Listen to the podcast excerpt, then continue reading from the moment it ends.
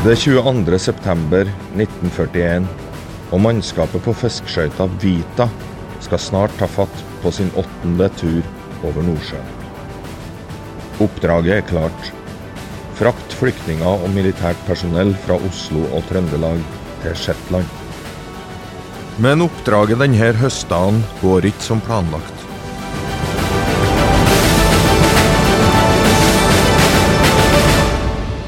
Du hører historiske skildringer fra Trøndelag. En serie i åtte deler fra Trøndelag fylkeskommune. Episode åtte På hemmelig oppdrag. Tyskerne kjenner nemlig til både ruta samt hvor og når flyktningene skal plukkes opp.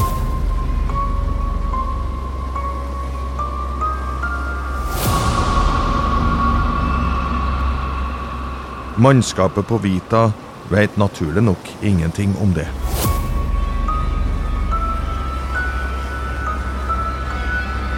Men de tar uansett sine forholdsregler og venter med å gå ut til mørket har lagt seg.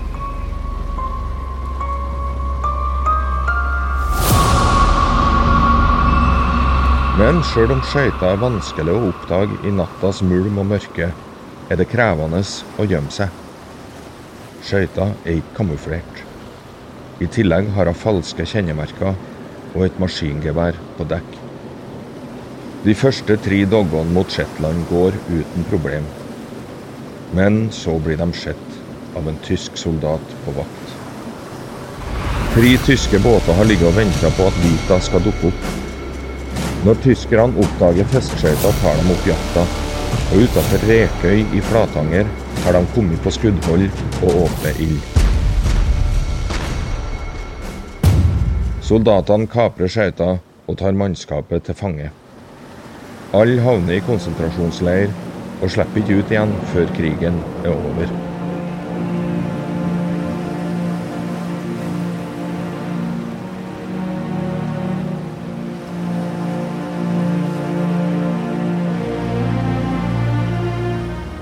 Vita var en av pionerbåtene i den hemmelige militære nordsjøtrafikken mellom Shetland og Norge under andre verdenskrig. Skøyta var nemlig en del av flåta til Shetlandsgjengen fram til den skjebnesvangre dagen i 1941. Rundt 300 personer tjenestegjorde i Shetlandsgjengen, som var en norsk marineavdeling. I all hemmelighet utførte de oppdrag mellom Norge og Shetland. De frakta bl.a. personell fra Kompani Linge, etterretningsfolk, flyktninger og militære forsyninger. Noen ganger la de òg ut miner og aksjonerte mot tyske skip. Mer enn 200 turer mellom Shetland og Norge ble foretatt av Shetlandsgjengen med ulike fiskeskøyter og motortorpedobåter. Vita var en sjødyktig båt og var bare to år gammel da den ble satt inn i shetlandsfart. Den kunne kjøre rundt 90 timer uten å etterfylle drivstoff. Og de som var med, beskrev skøyta som en god båt som tørde mye sjø og juling.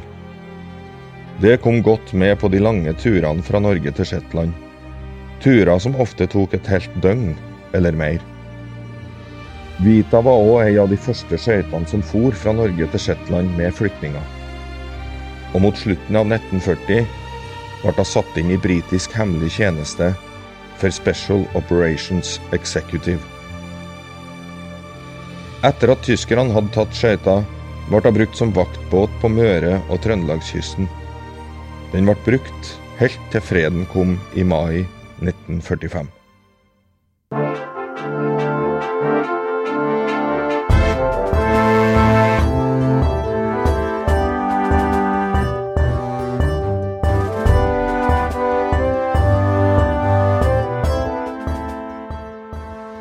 Etter krigen ble Vita funnet i Kristiansund. Her ble hun reparert og ombygd til fiskebåt. Men mye måtte fikses etter tida som tysk vaktbåt. Det ble brukt store summer på å få henne i stand, og med erstatning fra den norske marinen ble skøyta satt tilbake i samme stand og glans som den var under krigens dager. Etter krigen var Vita fiskeskøyte helt fram til 1989. Tre år seinere, i 1992, fikk hun status som verneverdig. Fra 1995 har Kystmuseet i Sør-Trøndelag hatt ansvar for skøyta som tjenestegjorde både på alliert og tysk side under krigen. Vita var blant de første skøytene i shetlandsfarten som ble tatt av okkupasjonsmakta. Hele mannskapet som ble tatt av tyskerne 22.9.1941, overlevde. Men opplevelser den gangen prega dem naturlig nok hele livet.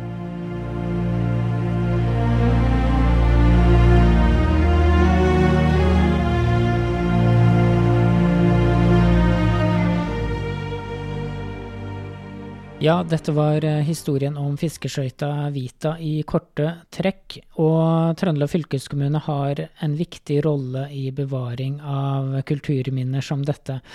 Og Hans Marius eh, Johansen, du jobber med dette i Trøndelag eh, fylkeskommune. Hva tenker du om denne dramatiske opplevelsen som mannskapet på Vita opplevde under krigen?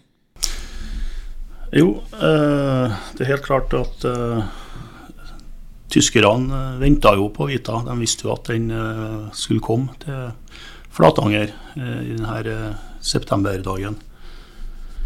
Og De visste også at det skulle komme en båt også til, til Vinjefjorden, ned mot Hemnesida. Igland. Den kom noen dager før. For Begge båtene skulle egentlig ha med seg viktige folk til England. Samtidig som de skulle bringe viktige beskjeder fra hjemmefrontens ledelse i Oslo over til England. Den båten som kom til Hemnefjorden, Igland, den klarte å slippe unna. Men eh, de personene som venta på land, de ble arrestert. Eh, blant annet så skulle de ha med seg opplysninger om eh, tungtvannsproduksjon på Vemork for Leif Tronstad, som var NTH-professor i Trondheim. De ble da arrestert. Så de venta på Vita, som skulle komme litt senere. Da. Så, sånn at de gikk jo rett og slett i et bakhold. Da. De ble jo da beskutt av de tyske vaktbåtene som lå der. Og Enkelte av eh, besetninga kasta seg jo i sjøen eh, og prøvde å stikke av, men de, de ble jo tatt alle sammen. da. Eh, så ble de plukka opp og så ble de transportert opp til Rørvik, hvor de her tyske marinebåtene hadde tilhold. Senere så ble de sendt til Trondheim, da, til Vollan, hvor de satt i starten. De ble delvis forhørt. Eh, og så tror jeg Etter en stund så ble de overført til, til eh, Falstad, hvor de satt en periode. Og så ble de sendt til Grini. Uh, og til slutt så endte de vel opp i, i Sachsenhausen, så vidt jeg husker. Uh, Bl.a. i Tyskland. Uh, men kom seg, kom seg jo levende hjem igjen da, etter krigen var ferdig. Uh, og det er klart, det her hadde jo merka alle sammen. Da. Eh, en del av dem ble jo ikke så gamle, kan du si. De døde jo tidlig på 50-tallet, et par av dem. Bl.a. skipperen han døde jo i 1951. Sånn at eh, som så mange andre tysklandsfanger, så, så, var jo det her inntrykk som eh, slet på psyken. og som, uh, Det var jo mye sykdom i de her leirene. som det, Mange av kroppene var jo helt utslitt av fysisk arbeid og sykdommer. Mm. Difteri bl.a. var veldig vanlig. Men, men det her er jo en uh, historie som er uh, Hva skal jeg si Det er jo litt uh, mer til den historien her enn bare en heltehistorie. Hvor, hvor, mye har du satt deg inn i den historien her, og hvor mye veit du om historien som kanskje ikke gjør den så heltmodig som den er på ved første øyekast? Ja, den Vita-saken eh, og det mannskapet er jo litt fascinerende. For det, det er jo kanskje et eksempel på det her gråsonene som eksisterte under krigen. At var, ting var ikke så sort-hvitt som man gjerne fikk det fremstilt eh, etter krigen, men at det har vist seg at det er en del eh, mye mer sånne grensetilfeller og mer sånne gråsoner, som man kan kalle det. Han Skipperen han, han var jo fra Trondheim, han Ingvald Johansen. Eh, han var jo en kjent spritsmugler i, tida før krigen, så han var jo eh, kjent av politiet bl.a. osv., så, videre, så han hadde en fortid der. Eh, I 1941, på, i mars 1941 så er han med en båt som het Olaf. Den het opprinnelig Alaska. Den ble kjøpt på Titran på Frøya av, av tyskerne. Ble utrusta av den etterretningstjenesten som het Abwehr. Og Der gikk da Ingvold Johansen sammen med to andre, andre trøndere over til Shetland eh, i tysk tjeneste, betalt av tyskerne, for å spionere på havneforholdene i, i Lervik bl.a. Eh, to av de andre trønderne de, de ble internert og, og, rett og slett fakka da, for å, under mistanke om at de var i tysk tjeneste. Men eh, Ingvald Johansen han ble opptatt i, i Shetlandsgjengen. Eh, og Senere så ble jo han da skipper på Vita han omtales jo som Old Joe i bøkene til David Hobart, bl.a. Uh, så han hadde en litt sånn uh, diffus fortid, da, kan du si, før krigen. Og så, så vet vi jo det fra kildene som er tilgjengelige, at han, den var utrusta av tyskerne. Den, den Olaf-båten som kom til Shetland i mars 1941. Mm. Men, eh, men, er det mange sånne historier som det her eh, i Trøndelag fra, fra, krigen? Ja, det finnes flere. Eh, tyskerne eh, hadde en et, tysk etterretning drev stort, storstilt oppkjøp av båter på Trøndelagskysten, Mørekysten, som de utrusta med norske folk i tysk tjeneste. Da.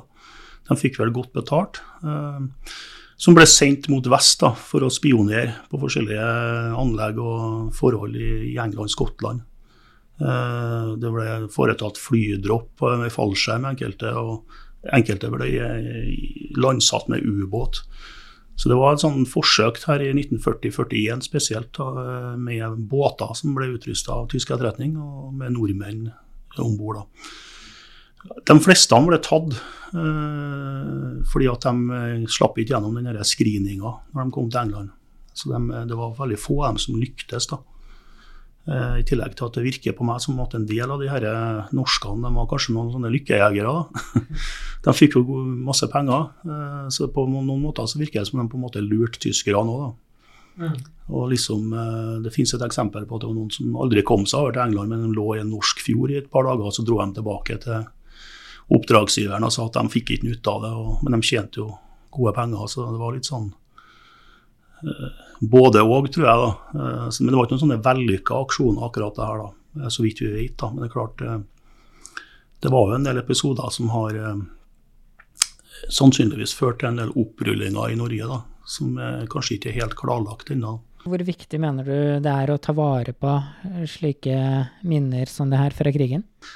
Nei, akkurat shetlandstrafikken syns jeg jo er noe særegent norsk ved krigen, på en måte, som, som hva skal jeg si, fremstår som, som begynte på en måte som en sånn lavterskel transportrute eh, ved å bruke gamle fiskeskøyter. Og den kunnskapen som de her skipperne tross alt satt med, som kunne kysten og Nordsjøen. Eh, det, det er nå ett aspekt. og så så vidt jeg vet, så er det vel bare to båter igjen fra den trafikken. Jeg tror det er Vita og så, så vidt jeg husker Andholmen. Så det er jo, det er jo nesten ingen igjen. De som var med på gulltransporten fra Trøndelag, de ble jo, ble jo senka på 60-tallet, for da fikk man jo støtte til fra staten å kondemnere gamle båter. Så de er dessverre borte. Men eh, så, så, i det lyset så er det jo de siste minnesmerkene vi har av de gamle Shetlandsskøytene. Ja. Og hvor viktig er det å ta vare på for de som kommer?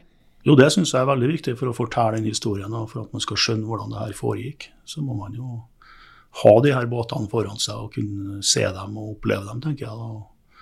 Så det hadde jo vært fint hvis man kunne ha satt i stand Vita tilbake til opprinnelig stand. Og, og brukte den kanskje i skole- og museumssammenheng, sånn at man kunne ha informert ungdom om hvordan det her foregikk under krigen. Du har jo satt deg veldig godt inn i historier som det her, sånn, som den vi har hørt nå om Vita. Men hvilke tanker gjør det deg om disse operasjonene, som garantert var veldig risikofylle? Ja, det her var jo en uh, ulik uh, mennesker som, uh, som, ble brakt sammen, og som var med på de her, de her aksjonene eller de innsettingene og den trafikken over Nordsjøen. men det som kanskje står igjen som en sånn fellesnevner. De satte jo livet sitt på spill, da. De gjorde jo det. det var jo, En ting var nå selve reisa over Nordsjøen i, i forferdelig uvær. og men også den konstante trusselen de var under for å bli oppdaga av tyske fly, og båter og vaktposter. sånn at eh, de måtte jo, altså, Vi vet jo at de i ettertid fikk ganske store problemer med nervene, en del av de her folkene. og det, det, kan man jo forstå når man leser om hva de har vært med på. Da. Så det, det, er jo eh, Jeg vet ikke om jeg skal bruke begrepet heltemot, men altså de, de satte rett og slett livet på spill. De, de, var villige til å ofre livet sitt for det. Og det syns jeg nå eh, står igjen som en viktig merkestein.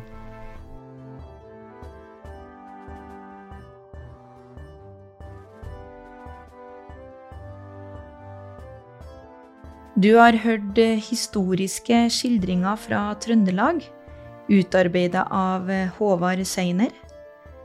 Introduksjon er lest av skuespiller Tore B. Granås. Musikk og lydlegging Kjetil Hustad. Gå til trondelagfylke.no og Fylkespodden for flere episoder.